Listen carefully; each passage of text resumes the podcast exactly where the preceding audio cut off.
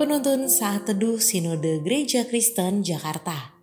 Jumat 13 Mei 2022 Judul Renungan Saksi Kebenaran.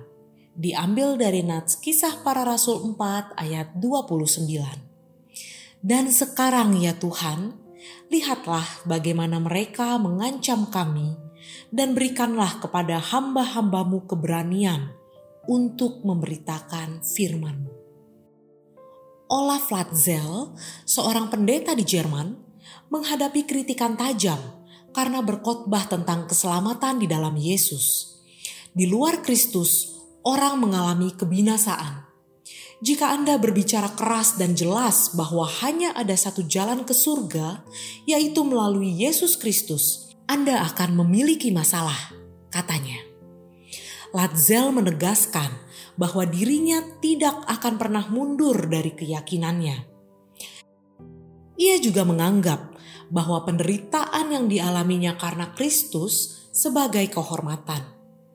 Petrus dan Yohanes juga pernah berhadapan dengan para pemimpin agama dan ahli Taurat karena menyampaikan berita tentang Kristus. Mereka diancam agar tidak lagi mengajar tentang Kristus.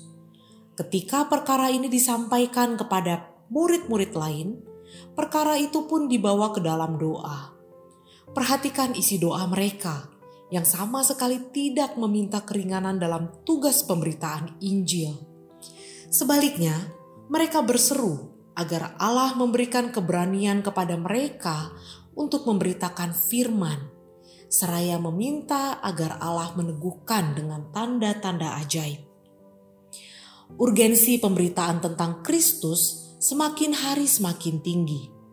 Perkembangan zaman membuat keberadaan Yesus diragukan, dan ilmu pengetahuan dalam beberapa sisi menolak iman. Kebenaran bahwa Yesus adalah Tuhan dan Juru Selamat harus terus diberitakan. Tantangan dan ancaman berpotensi menghadang, tetapi kiranya kondisi itu tidak membuat kita khawatir, gentar, apalagi berpikir untuk berhenti bersaksi tentang Kristus. Mari beritakan Kristus dengan berani. Allah pasti menyertai. Jangan gentar menjadi saksi kebenaran. Kiranya Tuhan memampukan kita.